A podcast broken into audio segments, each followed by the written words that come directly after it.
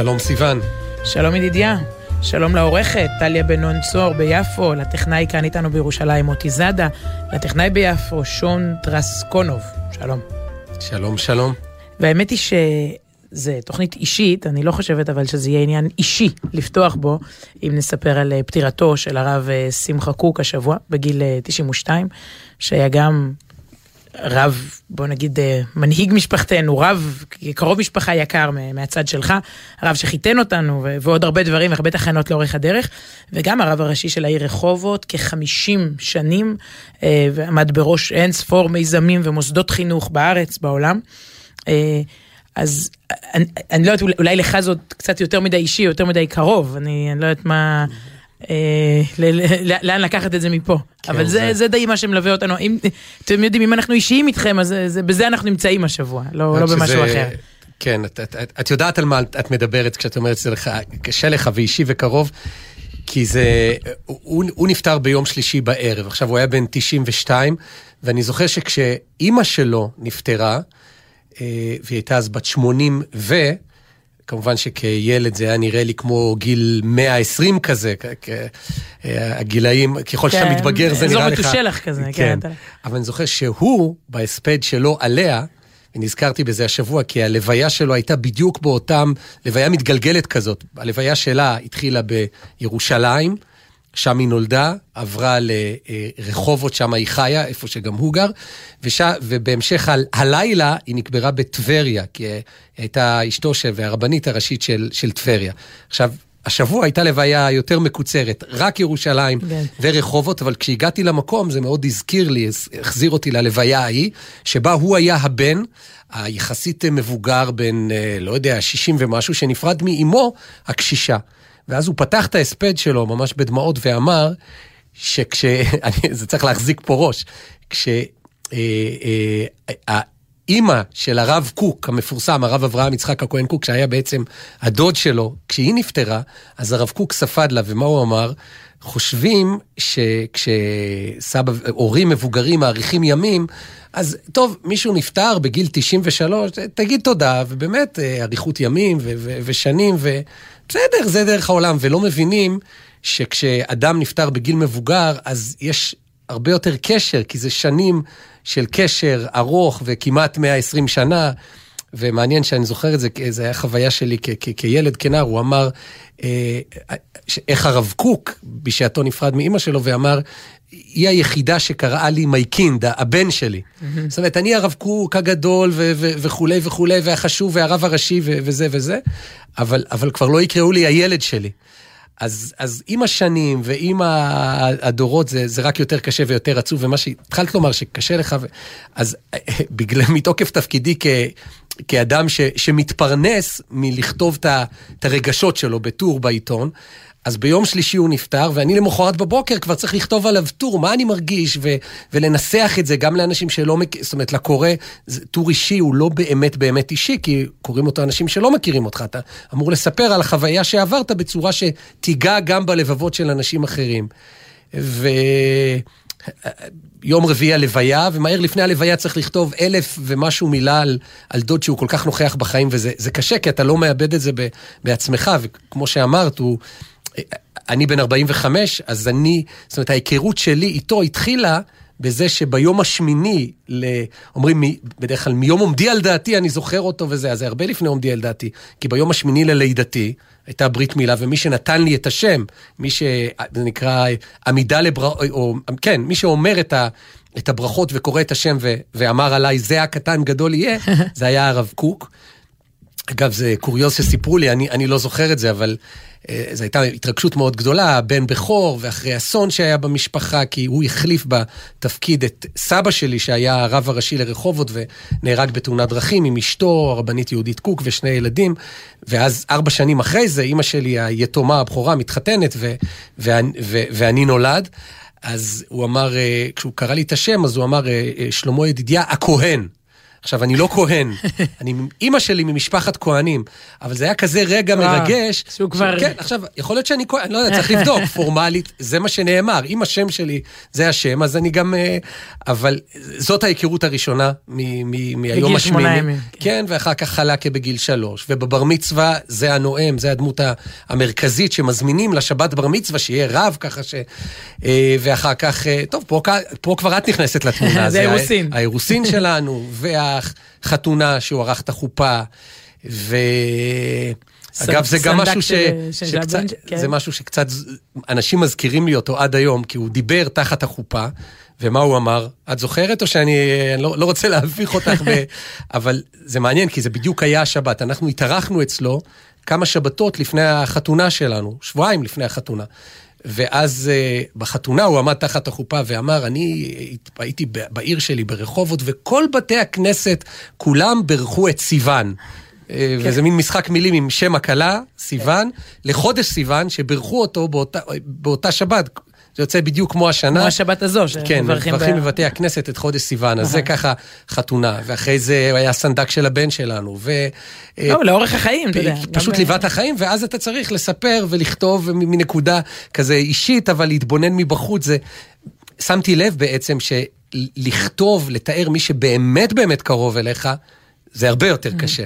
זה הרבה, אתה יכול לדבר ולכתוב על דמויות שהלכו לעולמם כן. וכולי, אבל כשזה באמת קרוב זה קשה מאוד. איי, אז ספרי לי קצת, את, את, את, את, את קשורה רק... רק 20 שנה. כן, אה, פחות, פחות. כן. רגע, אני לא אעשה לכם מבחנים מתי לא, אבל זכרתי איזה שבת זה היה, כן, שבת מברכים. כן, זכרתי את החודש, אבל אה, טוב, הכי קל זה כמובן. אה, לתעל את זה לסיפורים של אחרים. והתחלתי, התחלתי, התחלנו לאסוף השבוע סיפורים אה, אודותיו. אה, כבר מאות של סיפורים של, נדמה לי שרבבות אנשים ואפילו יותר שהוא נגע בהם לאורך השנים, אם אתה חושב רק על כל תלמידי התיכונים ברחובות, דתיים ולא דתיים, שהוא הכיר לאורך השנים, ובתי ספר יסודיים, ומחזורים על גבי מחזורים, 50 שנה של אנשים בעיר וגם מחוצה לה. ו... התחלתי, אתה יודע, להסתכל, הבוקר לקראת התוכנית, אמרתי, איך, מאיפה בכלל בוחרים פה מה לספר? ואני חושבת שהסיפורים שנשמע עכשיו הם תחת הכותרת, מה אפשר לחולל במשפט אחד.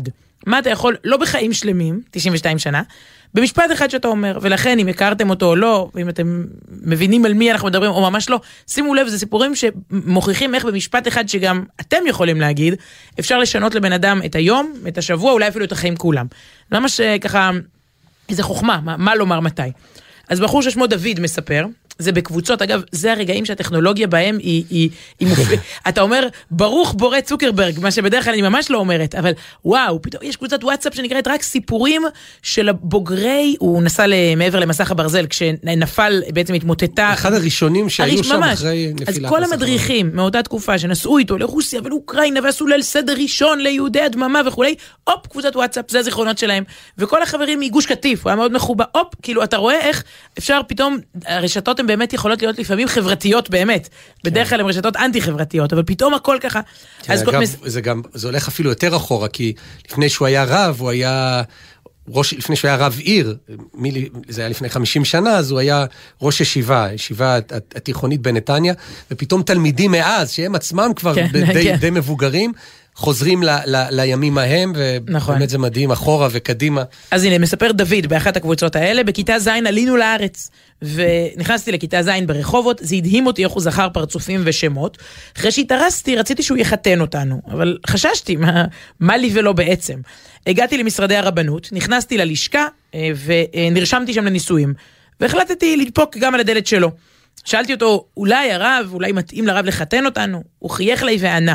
מאז אותו יום שפגשתי אותך בכיתה ז', חיכיתי לרגע שבו תבקש שאני אערוך את החופה שלך.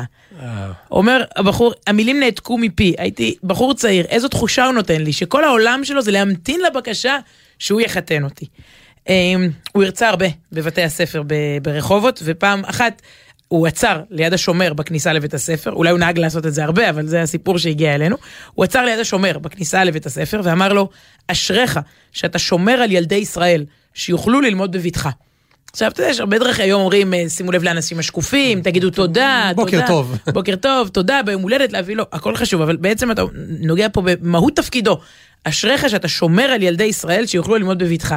זה נותן משמעות לכל כל מה שאתה עושה שם בחוץ. מדהים. אמ, מיכאל קנובסקי, תושב רחובות, הוא אומר, הוא ערך חופה, ואני נסעתי עם המשפחה שהייתה אמורה לקחת אותו. המשפחה איחרה בכמה דקות, ומאוד מאוד התביישה והצטערה. וכשהם סוף סוף הגיעו לאסוף אותו מביתו, אה, מביתו, הם שוב ושוב ביקשו, ביקשו סליחה, סליחה על האיחור שלהם, סליחה שמאחרים לה, כן, הוא עורך החופה, והם ככה, באמת לא נעים, נו מה, אתה, אתה מאחר לעורך החופה וכולי. והוא אמר להם בחיוך גדול, תראו, להגיע בזמן לחתונה, זה חוקות הגויים. קניתי את זה, תשמעי, אני הולך עכשיו ל... לא, לא. לא, אני מאחר מאוד. והוא מדבר פה על חתונה, לא על... אתה מאחר להכל. אבל זה בדיחה, אתה יודע... זאת אומרת, אנחנו לא בכנסייה פה שהכל מתקתק ומגיע, אנחנו כן, יהודים. זה חוקות הגויים להגיע בזמן. ברור שיכול להיות שבפנים הוא קצת יתעצבן, חבר'ה, אני עורך חופה, מה איחרתם לי? אבל חיוך שמפיג את הכל, ויאללה, הנסיעה כבר יצאה לדרך ב... אתה יודע, משפט, שוב, אנחנו בסיפורים שכותרתם משפט. מספרת הדוקטור מירב טובול כהנא, היום דוקטור ורבנית, יום אחד מצלצל הטלפון, והדובר מבקש לדבר עם מירב. היא אומרת, מי מדבר? הוא אומר, שמחה קוק. עכשיו, היא אומרת, אני כמעט התעלפתי, אני, אני, אני הייתי בת, בת 18. כן, אולי תתחילי עם זה שהייתה בת 18, אה, פשוט, שאני-. זאת אומרת, אחת שהיא גם דוקטור וגם אה, רב. פתאום מתקשר אליה רב והיא מתעלפת במקום. אז לא, העלפון היה כשהיא הייתה בת 19, 18? 18, אוקיי. 19, ואז הוא כותב לה, אני מבקש שתבואי אליי אחרי סעודת ליל שבת, עם כל השכבה הבוגרת של הסניף של תנועת הנוער בעיר, זו הייתה תנועת עזרא, צריך לדון על מצב הנוער, על מצב העיר. כן, צריך לדון. רב העיר מתקשר למירב, תארגני, ובאו כל, כל החבר'ה ו- וכולי. שוב, אתה יכול ביחס, במשפט, בזה, ל- ל- ל- לרומם בן אדם. את יודעת שזה מדהים, כי הוא היה בן 92, אבל לצערנו בשנים האחרונות הוא היה פחות פעיל מבחינה קוגנטיבית. אומרים את זה, יש ביטוי שנקרא אה, אותיות פורחות באוויר. כאילו יש, אה, זה לא רק שיר של אה, אביתר בנאי, זה כאילו שברי לוחות. כל התורה והאדם שהיה כלי ל, ל, ל, לתורה ולרבנות וכולי, אבל אה, אותיות פורחות באוויר, כבר אין, אין זיכרון ואין יכולת לדבר, אבל אה, מה שנשאר אצלו כמעט עד היום האחרון, כמעט עד ה, שהוא ממש אושפז בבית החולים, זה ה, ה, היחס, כלומר, ה, החיוך לכל ילד קטן, גם כשאי אפשר לדבר, נכון. זה מדהים, את יודעת שצריך, אני, אני כל הזמן אומר לעצמי שכדאי מאוד ל, לעבוד על עצמנו, לחנך את עצמנו כשאנחנו עוד צעירים, בהנחה שאנחנו עוד צעירים, כי כשאתה מתבגר, אז הברקסים הולכים, את יודעת, כן. ואז הכל יוצא. אז... אה, וואי, ומה שיצא ממנו בשנים האחרונות, כן, פשוט עכשיו, חיוך, ש- חיוך. כשאנחנו מדברים עליו, זה לא, זה לא ברקסים, זה לא קשיש שהוא קצת, אה, כבר אין לו, אין לו סבלנות, זה אדם ש, שלא מתקשר בעצם, לצערנו, אבל זה נשאר, המאור פנים, והיח, בלי, לדב, בלי יכולת נכון. לדבר, יחס לכל אדם. הייתי ב, בשבעה, והשבעה היא בירושלים, בבית שבו הוא גר, בשנתיים שלוש האחרונות. שהוא כל ה- 50 שנה בעיר רחובות, רב העיר החשוב, וכשהוא כבר לא מתפקד, הוא מגיע לירושלים, ואני שואל, שכ... ובאים כל השבעה אנשים ומספרים, הוא חיתן אותי, הוא התקשר אליי, הוא עשה, הוא אמר לשומר וזה. ומגיע לנחם, שכן שמכיר אותו בשנתיים האחרונות, וואו. במצב, כן, באתי, אוי, לה, מסכן. באתי להשלים פה מניין, ל- ל- ל- עשו לו תפילות בבית, אז באתי להשלים, אמרתי, נו, מה אתה זוכר ממנו? כשהוא לא דיבר, שאתה לא... אז אומר שני דברים, את ההדר, שוב, לא מדבר, לא ב, לצערנו לא בתפקוד, אבל הדמות נשארת, ואת היחס, את החיוך מאור הפנים לכל ילד קטן שמגיע בלי לדבר. וואו. זה, זה נשאר. היי. אז הנה, אפרופו ילד קטן, אריאל כהן מרחובות בקבוצה אחרת כותב שהתפילות של הימים הנוראים, שבכלל אני חושבת שגם אלפים ורבבות לאורך כל השנים יודעים על מה מדובר, הוא היה אה, שליח הציבור של העיר רחובות ב, בהרבה מקומות גם, הוא היה הולך בקלי קלות אה, בין, בין מקום למקום, חצי שעה הליכה, מבית כנסת אחד אני, לישיבה אני אחרת. זוכר שבשבת ההיא שהיינו אצלו, לפני החתונה שלנו, אז זה לרדוף אחריו כשהפרק שלו, המעיל הרבני, מתנופף ברוח. כן. זאת אומרת, הוא רץ קדימה. ואנחנו, ובוא, אנחנו- היינו זוג- צעיר, אתה יודע, הולכים ולא עומדים בקצב, באמת לא עומדים בקצב, איזה נמרצות כזאת, איזה כוח כזה, ו- ואתה אתה בעקבותיו מנסה לתפוס נשימה, ורגע, עכשיו הוא מדבר פה, והוא ייכנס בדרך, צריך להיכנס לעוד בית כנסת, ופה ושם. אז מספר אריאל כהן, אה, כל שנה התפילות של הימים הנוראים, ביום השני, באופן קבוע, של ראש השנה, באופן מסורתי, ראש השנה הוא שני ימים, ביום השני הוא תמיד הגיע למה שנקרא ישיבת הדרום. הוא הלך הרבה ברגל, והייתה פשוט צמרמורת ודומייה, כשהוא פרץ בבכי, פעם אחר פעם בתפילה. אה, וכבר מגיל צעיר אה, הייתי מצטרף לאבא שלי לברכת הכהנים, כן, שמו, הוא באמת כהן, ידידיה, אריאל כהן, וביום השני של ראש השנה, אבא תמיד רמז לי, תעמוד ליד הכהן, תעמוד ליד, ליד הרב קוק, כילד קטן. שנה אחת בגיל עשר, לא התפללנו בראש השנה בישיבת הדרום, אלא במקום אחר. חצי שנה אחר כך, הלכתי ברחוב, בעיר רחובות, וראיתי את הרב קוק. הוא הסתכל עליי ואמר לי בחיוך גדול, היכן היית בראש השנה? אני חיכיתי לך בברכת כהנים. וואו. כן, ילד בן עשר, פה, שם. אז אה, מדהים. שוב, במשפט, ש- ש- המשפט הזה, אמרתי קודם, זה לא חיים שלמים, זה רק משפט. זה לא נכון, המשפט הזה מעיד על, על, על המון, על זיכרון, על אכפתיות, על תפיסת עולם, זה לא בשליפה.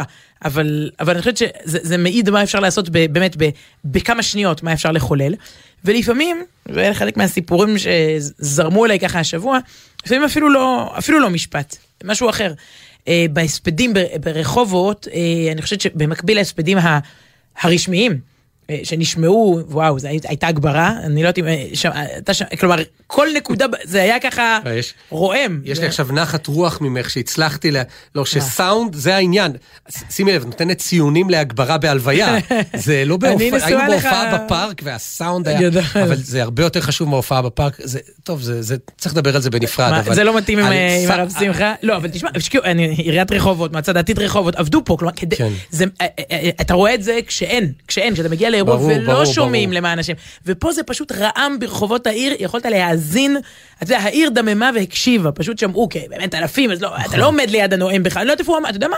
אין לי מושג איפה איפה הוא עמד בחלק מהזמן, אני שמעתי את זה בכל בכל הסמטאות, בכל הרחובות. כן, היה גם מאוד ככה. מרגש, אם את מזכירה את העירייה, זה ההספד של ראש העיר שנפרד, אה, רחמי מלול, מה- מהדמות של הרב. וואו, מדהים, זה מדהים. היה, אני חושב, אתה יודע, דיברו רבנים ודיברו אנשים מכל מיני מעגלים, וכמובן המשפחה, אבל לשמוע ראש עיר נפרד מהרב מדהים. שלו. מדהים ב- זה היה. ב- זה היה באמת אחד הרגעים ה... אז רגע, אבל אני באה להגיד לך שלצד ההספדים הרשמיים, הרועמים, היו מלא מלא הספדים קטנים. כאילו ניגשו ושמעתי המון סיפורים קטנטנים, כל אחד, אתה יודע, מציף את מה, ש, מה שהוא רוצה להציף. אז סיפרה לי מישהי שקוראים לה חיה, היא ביקשה בלי שם משפחה. אמרה שכש... בכלל, היא סיפרה לי על ניחום אבלים, וניחומי אבלים זה, זה עוד מסכת שלמה אה, של, של, ח- של חיים ואיך אתה מתייחס ל- לאבלים. אז אה, בחייו. אז הוא פעם הגיע, הוא, הוא הגיע לנחם אותה, מספרת לי חיה, אחותה הקטנה נפטרה בגיל עשר. הייתה ילדה בת עשר, היא נפטרה, והרב שמחה עולה לביתם אה, לשבעה. והוא כמעט לא מדבר, הוא מתיישב ליד אימא שלה, של חיה, ובוכה איתה. בוכה אמיתי, בוכה איתה בדמעות. היא אומרת, לפעמים לא צריך דרשות, לא צריך נאומים, הוא איתנו בצרה, הוא באבלנו, משתתף בצער, זה הקל מעלינו. כן, לא, משתתף בצערכם זה לפעמים קלישאה. כן, כן, אה. הוא עשה את זה אקטיבית, כן, אני כותבת. ככה, אני בוואטסאפ כזה, אמ, הצהרתי לשמוע, משתתף בצער, כן, כן, אתה יודע, כן. מן השמיים תנוחמו בשמחות, בשורות טובות. לא, לא, הוא מזיל פה דמעות יחד איתכם. היא אומרת, זה חיזק אותנו, ועברו עשרות שנים מאז. אני זוכרת את זה, זה- הקים את המשפחה. היכולת להיות עם, אנשים ב- בצרתם. וסיפור אחר, גם לפעמים לא צריך לדבר, אפשר גם לא, לא לבכות, אלא לשיר. אה, עלתה לביתו קבוצת תושבים, אני אומרת כל הזמן, בית, זה היה בית פתוח לגמרי, אם אני מבינה נכון, עלו, לש, הרגישו שם בבית, נכנסו ויצאו, ובאמת אה, הוזמנו וגם הגיעו בלי הזמנה, אז קבוצת תושבים, אה, אה, חילונים, אתה יודע, רחובות היא, היא עיר אה, מורכבת, מגוונת, ובאמת הוא הוכיח שאפשר להיות גשר בין, בין המגזרים, ואני חושבת שהקבוצה הזאת עלתה ואולי גם לא יצאה כל כך שמחה, אה, תלונות, לא יודעת מה, וגם הכל נראה כבר ישן, משהו מוניציפלי שהטריד אותם לפני עשרות שנים, שטחו את טענותיהם, עצם זה שבכלל באים לדבר זה דבר גדול. הרב העיר שומע, אני הרב גם שלכם, מקשיב, מנסה לפתור פה ושם, ואז הסתיימה הפגישה. ובסופה כאילו היה טעם, אולי הטעם לא הכי טוב, ככה עמד באוויר. אז הוא אמר, מה, ככה ניפרד? לא נשיר משהו ביחד? בואו נשיר יחד. והוא תפס את היד של אחד מהם שיושב לידו, והתחיל לשיר איתו, עם ישראל חי. עם ישראל חי בסלון של הבית, ואומר, ככה מסיימים פגישה. בכל זאת, אנחנו יושבים פה ביחד. וזהו, זה ה... אז אלה מההספדים הקטנים שלא נשמעו השבוע ברמקולים, אבל נלחשו ככה מפה לאוזן אה, ברחובות, אה, ברחובות רחובות. וואו, תשמעי, טוב, אז אנחנו גם נשיר עכשיו פה משהו. הוא שר המון, אה, לצערי זה לא שירים שאפשר להשמיע, אני לא יודע אם הם הוקלטו, כי זה חלק מהשירים הם שירים ישנים שהוא הביא איתו מ, מ, מלפני 90 שנה מה, מהישיבה ומגלגולים אה, שונים. ואמרת, היה בית פתוח, אז כל תושבי העיר בזמנים מסוימים בשנה, מעבר לפגישות והשיחות, הוזמנו לבית הרב, למשל ל- לסוכה של הרב בסוכות, או אגב, לפסח. בסוכה, בסוכה זה היה מסודר, היה לילה אחד, אתמול שמעתי שם, בשבעה, היה לילה למשטרה. כלומר, הגיע מפקד המשטרה, מגיעים השוטרים הבכירים, אמרה לי רעייתו, נחמה, שתיבדל לחיים ארוכים, איזה, הרבנית נחמה, איזה... איזה קשר זה יוצר לכל השנה, שמשטרה, רב העיר והמשטרה לא נפגשים רק באני לא יודעת מה זה, אלא יש ערב בסוכה שבו מפקד המשטרה מגיע עם המון שוטרים, עשרות, זו הייתה סוכה ענקית, וזה הערב בשנה שלנו, ששמחים בשמחת, בית השואבה בשמחת הסוכות. לאורך כל השנה, אוקיי, מטפלים בענייני העיר, אתה יודע, אבל... אה, אבל אתה יודע, אוקיי. אם, אם אני אתחיל לספר לך את החוויות שלי אה, מאותה סוכה, אתה ישבת שם על הרצפה. אני. כן, כן. אז נראה לי שנעצור פה לעת עתה, התוכנית כבר עוד מעט נגמרת אגב, אבל, אבל שיר אה, שכן הוקלט, וזה שיר שכתב דודו זקנו, ובאמת, ה, אני חושב, הדמות המשפיעה ביותר בחייו כ, כדוגמה ומופת איך צריך להיות רב, וזה הדוד שלו, הרב אברהם יצחק הכהן קוק, והשיר זה שהפך לסוג של המנון, נקרא שיר האמונה. ונשמע אותו בביצוע של דוד רפאל בן עמי, זיכרונו לברכה, ואני תמיד מתרגש, שנים כבר מאוד מתרגש מהשירה של דוד רפאל בן עמי, כי בצבע של הקול שלו, יש משהו שמזכיר את השירה של הרב שמחה. נכון, נכון. אז הנה בואי נשמע.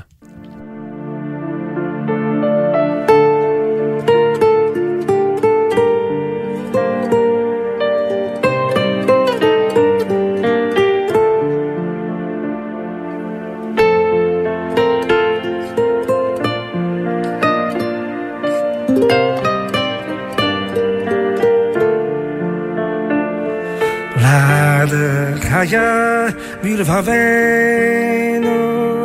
האמונה למענה, לשוב לארץ, לארץ קודשנו, עיר בר דוד חנה. לעד היה בלבבנו, האמונה למענה. לשוב לארץ, לארץ חודשנו עיר, לדוד חנה, עד חיה בלבבנו, האמונה למעלה, לשוב לארץ, לארץ קודשנו עיר, da Davide Hana Sham Hanamod Lekor Av Hamon Kana Shama Micheye Chayenu Chaye Hadat Mimanoa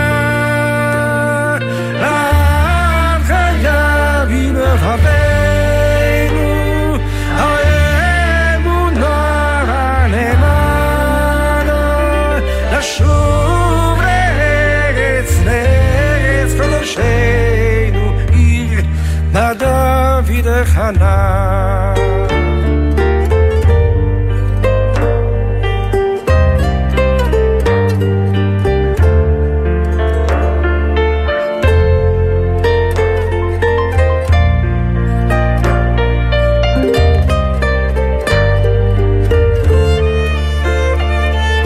שמה נעבוד אלוקינו בחדווה, בגילה ובגננה.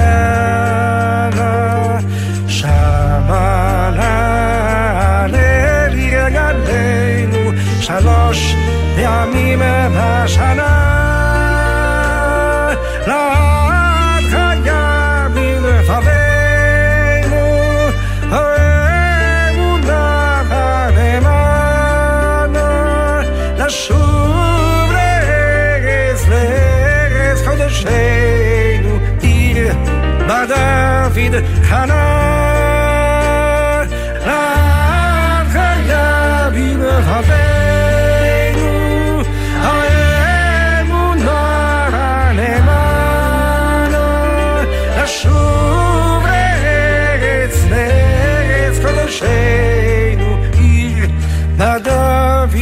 חנה. תורת חיים חמדתנו, מפי עליון ניתנה,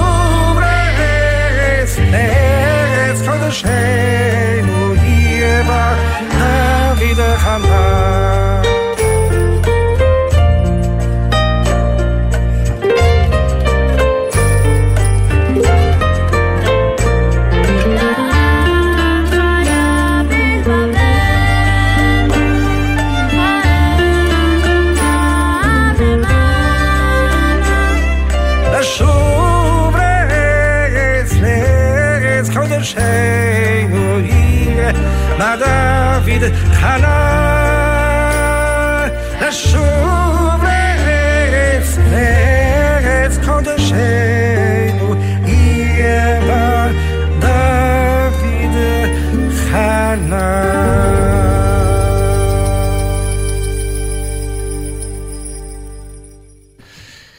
טוב, יום אה, שישי היום, ובמוצאי שבת, יום ירושלים. יום ירושלים, כ"ח יפה. באייר. כן, המלחמה התחילה, רגע, אני מחוש... היום, היום כי לדעתי. ביום, היום השלישי של המלחמה אחרי. צהריים, שוחררה ירושלים. כן, לא ידעו אז בזמן אמת שזאת מלחמת ששת הימים. לא, וואי, היום היום הראשון מהשישה, השני, זה... נכון, ברוך נכון. השם. אז אה, היום התח- היום התחילה, שבת כאילו היום השני, ויום ראשון, יום- ביום השלישי הגיעו ל- לירושלים, שישה ימים בסך הכל, כן. כן, ובמגזין ערוץ 14, שעורך רו- רועי אהרוני, הוא ערך פרויקט אה, מיוחד, שנקרא ירושלים של שירים. מאחורי הקלעים של, של שירי ירושלים, שזה תמיד כיף לשמוע את השירים, ו, ולפעמים לדעת אה, שאתה לא יודע מה, יש כן. הפתעות לגבי מה ועל מי הם נכתבו. נכתבו על ירושלים, אבל מי בדיוק, מה הייתה ההשראה המדויקת.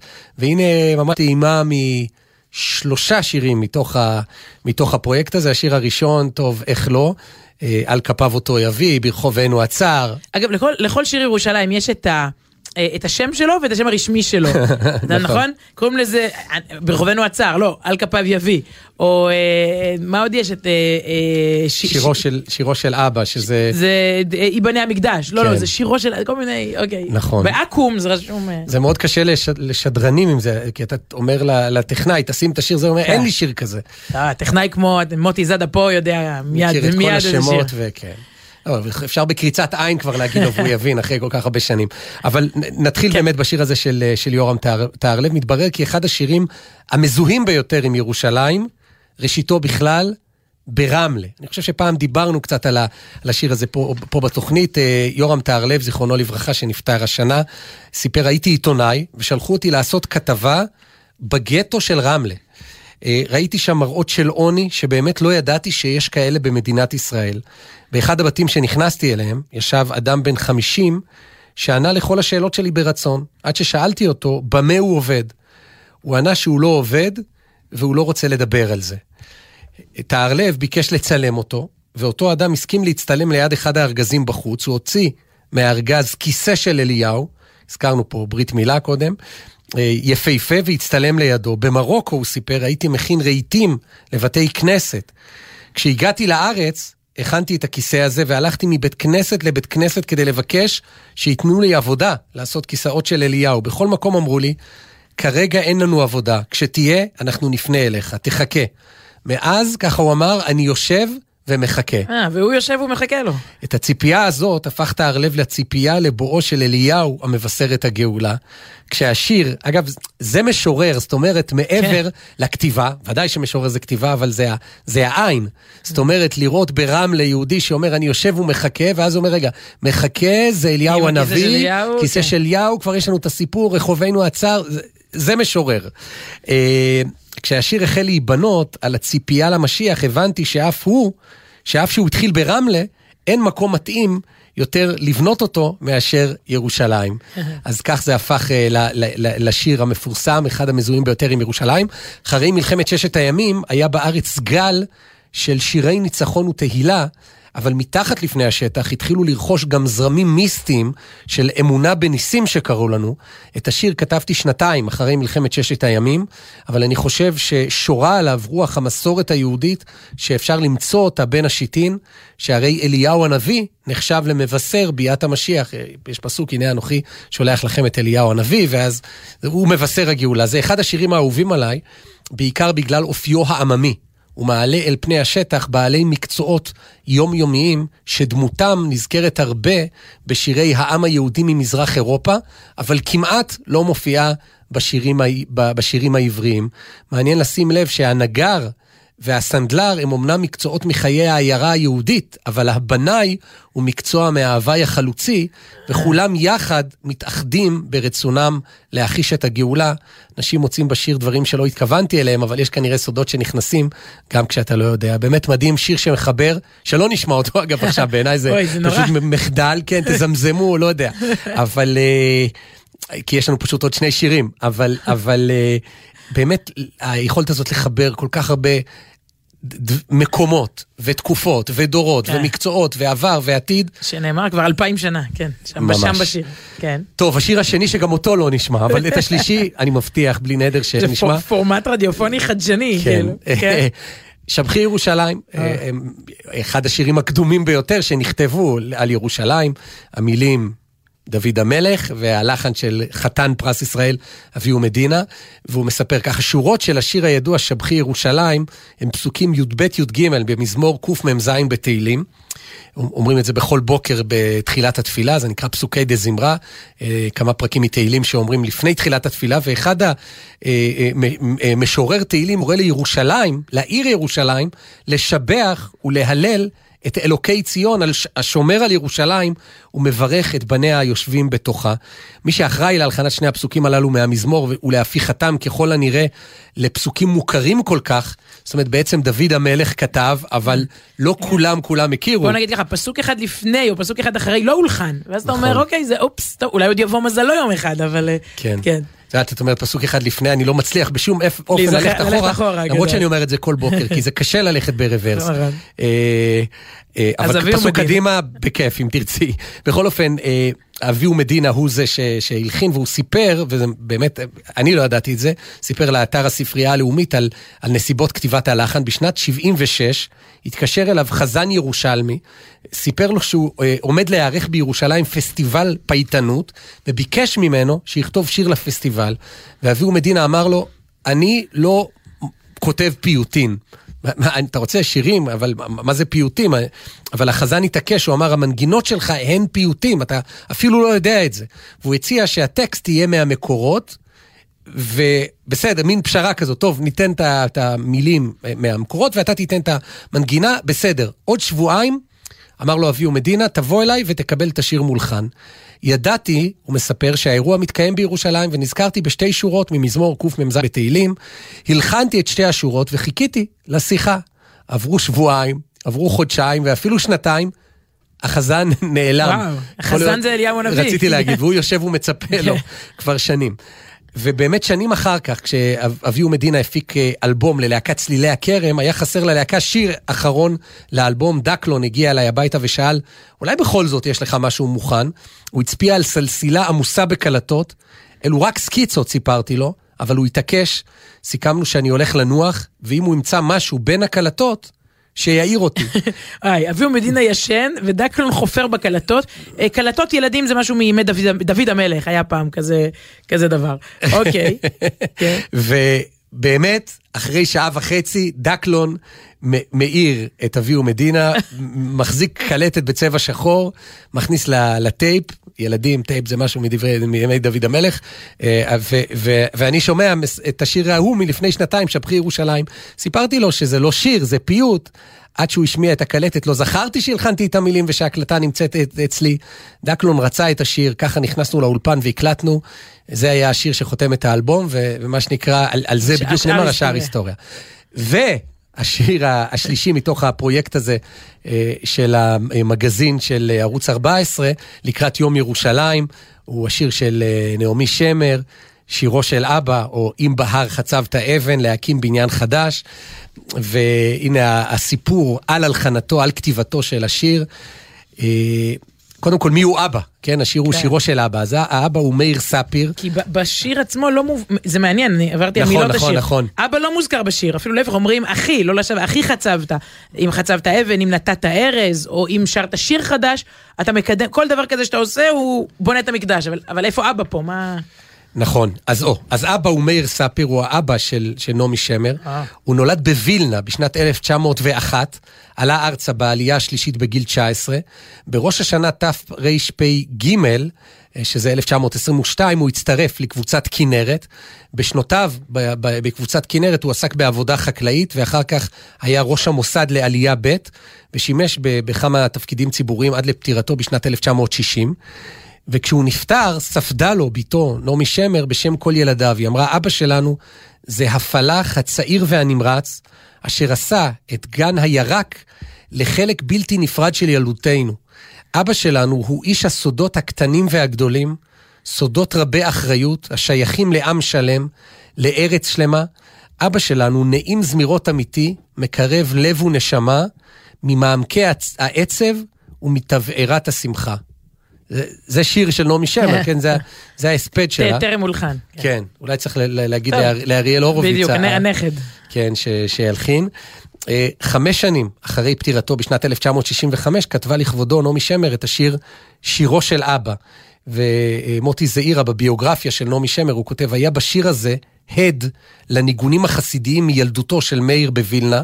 הוא היה שר לילדיו ולסביבתו בכל הזדמנות את השיר שייבנה בית המקדש במהרה בימינו, וכותב פה במבטא ליטאי כבד, כלומר, שייבונה, שייבונה בית המקדש, יש איזו יצירה חזנית מאוד מפורסמת, שלשמחתך לא לא, נשמע. נש... לא נשמע עכשיו. לא, כבר נדרכתי בו. כן. תצחקי אבל, יש ביצוע של ישי ריבו, ביצוע כזה פופ של הזה, אז יכול להיות ששבוע הבא היצירה אוקיי. החזנית הזאת תרדוף אותך. אוקיי. אבל אבא של אימא מספרת, עכשיו אנחנו עוברים דור, את- כן. את איתי?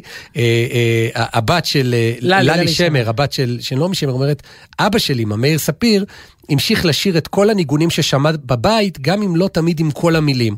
הוא היה שר את ייבנה המקדש בעברה אשכנזית. יותר מאיש אחד אמר לי שהוא היה בעצם חסיד בנשמתו. אחרי שאימא נפטרה, גיליתי שאביה, שלא היו בו סממנים דתיים חיצוניים, היה מקפיד להקשיב מדי מוצאי שבת לפרקי החזנות ברדיו ומתייפח חרש. הם הזכירו לו את משפחתו שעבדה בשואה. הנה עוד שיר שלא נשמע, לא של נעמי שמר, אבל שתלתם ניגונים, זה, זה דור זה. שלם של, כן. של ילדים שנזכרו בבית אבא כאן במדינת ישראל ובהתיישבות ובעלייה. אה, והיא אה, כותבת, אימא שלי הגדירה זאת כך, הם עזבו את הבית, אבל הבית לא עזב אותם, כל הדור ההוא. גם אם לא שמרו על המצוות, או אפילו עשו דווקא, הם שמרו דברים מבית ההורים, גם אם לא בכוונה תחילה. ברבות הימים הם גם מאוד התגעגעו לבית ההורים. ההורים שלי חשבו שהם בעטו בבית הכנסת, הם עשו את המהפכה החילונית הגדולה, הם לא ידעו שבית הכנסת, אצלם זה אה, על הגב, זאת אומרת, זה הולך איתם. עכשיו, שימי לב, זה לפני שנשמע את השיר של, של, אה, זה של נעמי שמר. הפרומו, הבילדאפ והפרומו הארו- ארוכים בתבל. כן, לא, עברנו כמה שירים עד שהגענו אל-. לרגע הזה, אבל כן. עם כל הכבוד לזיכרונות ולעבר, אני רוצה לספר לחוויה שלי השבוע עם השיר הישן הזה, ששוב מתחיל בליטא, בתחילת המאה, עובר לקיבוץ אה, כנרת, ולנעמי שמר, ולהספד, ולביני לנדאו שמחדש את השיר הזה ו- ונשמע אותו. אבל uh, השבוע, uh, לא רק הייתי בהלוויה ובניחום אבלים ובאבל גדול, אלא גם בחתונה. זכיתי להנחות uh, חופה של, uh, של זוג, אני רוצה להגיד זוג צעיר, אבל זוג לא כזה צעיר, וזה מביא אותנו לשיר, זה ס... שם החתן והכלה זה שרה שמיען וגיל ויז'ניצר. זה על טוב, שרה וגיל, אהובים. כן. אה, אפשר להגיד שכני, יש חברי נפש ויש שכני נפש. כן, נכון. פשוט שכנים שלנו. השכנים ממול. כן. אה, מהשבוע, השכנים שלנו עכשיו, ממול. באמת יש הרבה ואתה רואה את זה, זה, צריך לעשות על זה פעם תוכנית שלמה, או באמת קטע שלם בתוכנית, איזה שירים זוגות בוחרים, אני רואה את זה בהנחיות לחופות, לחופה שלהם, והאם הם מודעים, סליחה, לגודל השעה, וה... יש לפעמים להיטים מאוד אה, גדולים שאפשר לשים וכולם יכירו, אבל בסדר, עד שתראה את סרט את החתונה שלך, זה כבר כן. לא יזכרו מה, מה שמת שם. ויש אנשים שבאמת מתחברים אחורה לשירים שמאוד משמעותיים וכולי. ושם זה היה מעניין, זו הייתה חופה מאוד מאוד ארוכה, ממש לא, עמדו שם הרבה זמן, והמון שירים, ואת יודעת, הם חיכו הרבה לרגע הזה, אבל אני חושב שהרגע הכי מרגש בחופה היה כשהם סיפרו, ביקשו פתאום להשמיע מכל השירים, רגע לפני שבירת הכוס, את השיר הזה, את שירו של אבא, ואז עמדה שם הכלה שרה ואמרה, למה, למה השיר הזה מכל השירים? כי כל השנים האלה שחיכיתי, חיכיתי לך, גיל החתן, אז הלכתי לעוד דייט ועוד פגישה, וזה היה מייאש, וזה לא התאים ולא קשור, ומה אני עושה פה, ומה. בזבזתי, ומתי יגיע סוף סוף. המיועד. אז כל אבן בדרך, יפה. את כבר ממשיכה אוטומטית את ה... איך זה הולך שם- שם בשיר? אם בהר חצבת אבן להקים בניין חדש, אתה חוצה ומתאמץ, וזה לא את הולך. חוזרת לדירה שלך מבואסת מעוד דייט עם עוד איזה... כן, זה- אבל, אבל לא לשווא הכי חצבת לבניין חדש, כי בסופו של דבר, מן האבנים האלה, ייבנה המקדש. אם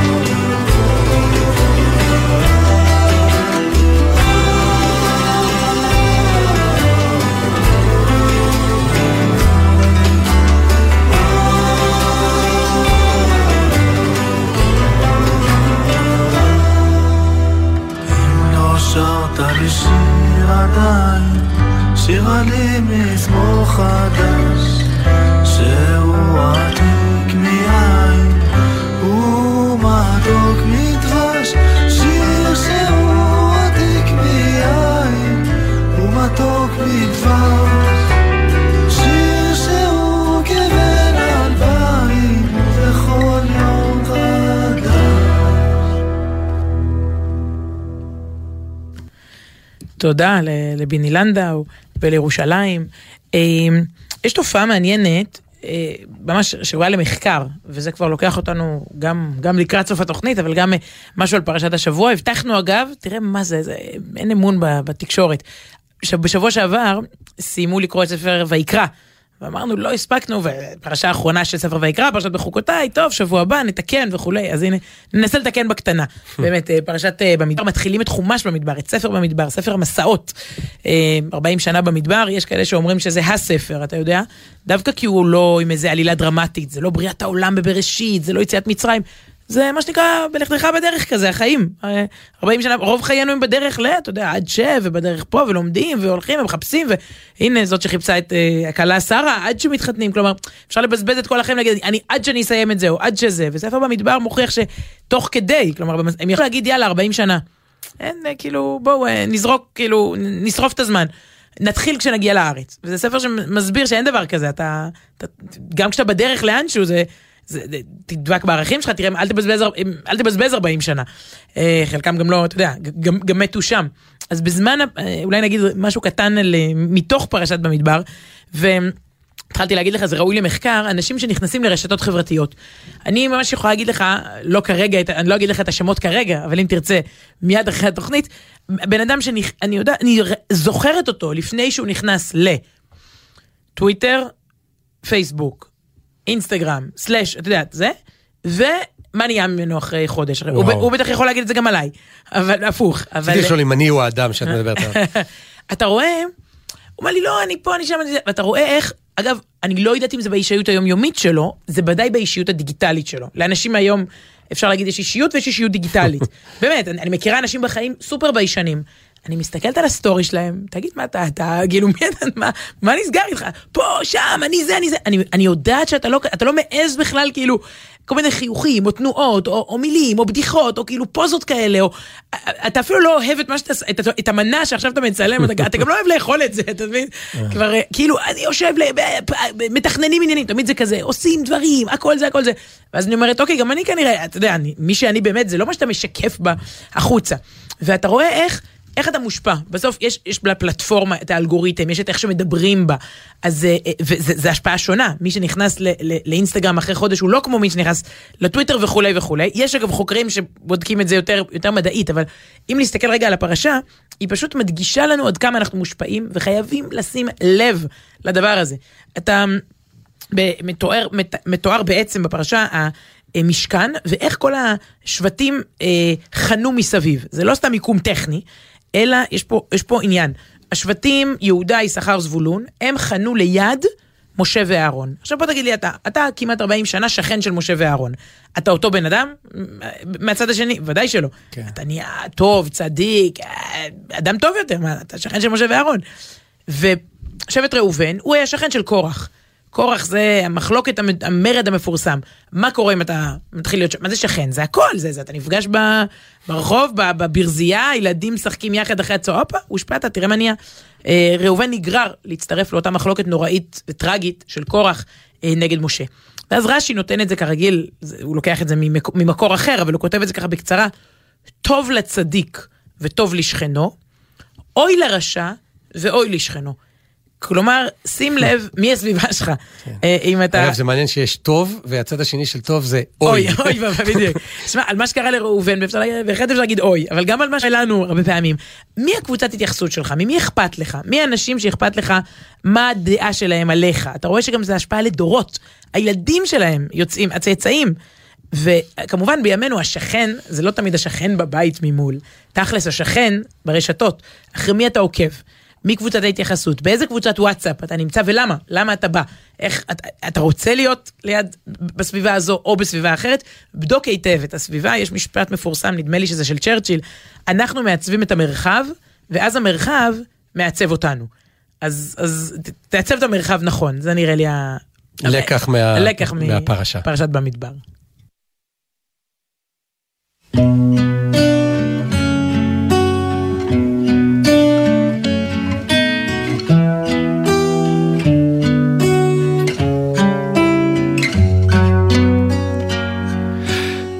לבן, אני שחור, אני חשוך, אתה באור שמחמם כמו אמא ושדואג לך.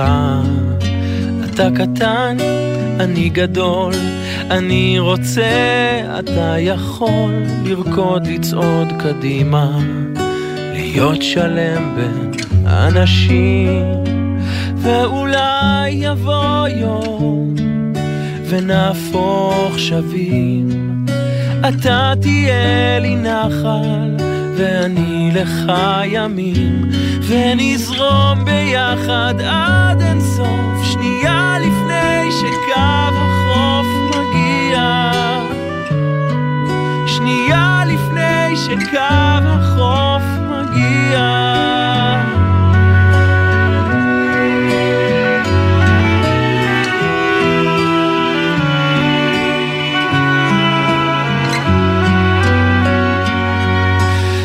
בוכה, אתה צועק, אני טועה, אתה צודק, זאת ההצגה שלנו. ואין קהל ואין במה, אולי נשב, ננוח, אתה אתה, אני אני, וגם תחלוף הרוח, ויעברו כל השנים, ואולי יבוא יום. ונהפוך שווים. אתה תהיה לי נחל, ואני לך ימין, ונזרום ביחד עד אינסוף, שנייה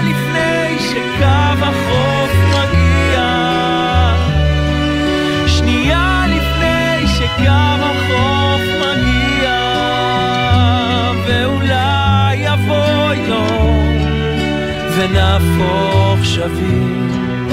אתה תהיה לי נחל, ואני לך ימין. אז זהו, עד כאן אה, תוכניתנו לשבוע זה.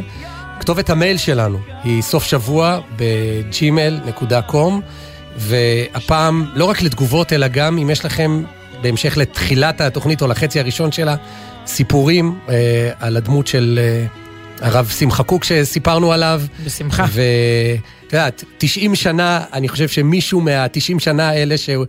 אה, אה, מקשיב לנו בוא, בטח עכשיו. אני, כבר מול המייל, הם כבר שולחים, זה בסדר. אה, אוקיי. אז סוף שבוע בג'ימל, וגם אם לא הכרתם, תמשיכו להיות איתנו, להגיב אה, יום שישי ב-12. תודה רבה לטליה בן-נון צור ביפו, העורכת, למוטי זאדה, הטכנאי פה בירושלים, לשון טרסקונוב, הטכנאי ביפו.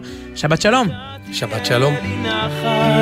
ואני לך ימין, ונזרום ביחד עד אינסוף, שנייה לפני שקו החוף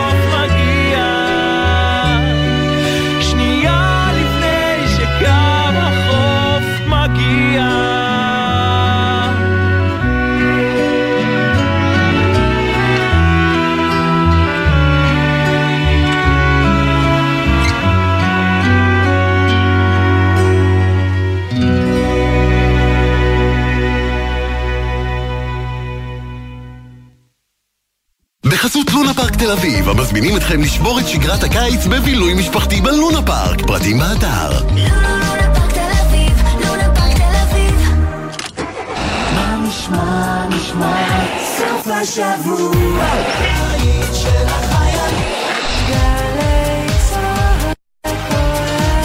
גלי צה"ל, יותר מ-70 שנות שידור ציבורי. עכשיו בלוטו 15 מיליון שקלים, ובדה בלוטו עד 30 מיליון שקלים. ימבה! המכירה אסורה למי שטרם מלאו לו 18. אזהרה, הימורים עלולים להיות ממכרים. הזכייה תלויה במזל בלבד. ביום ירושלים ייפתחו אתרי המורשת בעיר חינם. משרד התרבות והספורט והמועצה לשימור אתרי מורשת מזמינים אתכם לבקר באתרי המורשת הירושלמיים ולצאת למסע בעקבות סיפורי הגבורה, המורשת, האנשים וסיפורי העבר. יום ראשון, 29 במאי, הכניסה חופשית. חפשו המועצה לשימור אתרי מורשת. עכשיו בווינר! ליברפול נגד ריאל מדריד בגמר ליגת האלופות. יודע מי תניף את הגביע? ייכנס לתחנה, לאתר או לנייד, ותוכל להרוויח. כי אם לא תשלח... איך תיקח? הורים, אנחנו יודעים שלא קל לשכנע בני נוער לחבוש קסדה.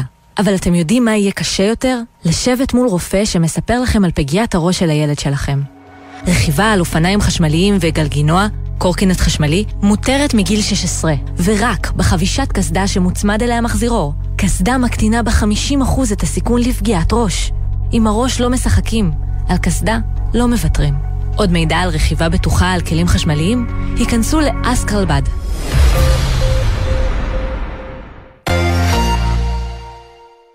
גלי צה"ל ואוניברסיטת בר אילן מציגות מי אני שיר ישראלי. הרצאות ודיונים על המוזיקה בארץ במשך הדורות, וגם אירוע הוקרה לזמר והיוצר חנן יובל. אבל השיר הזה נשאר.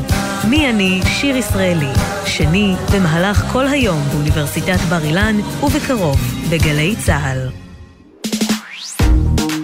מיד אחרי החדשות, אודה הקורן ונתן דת.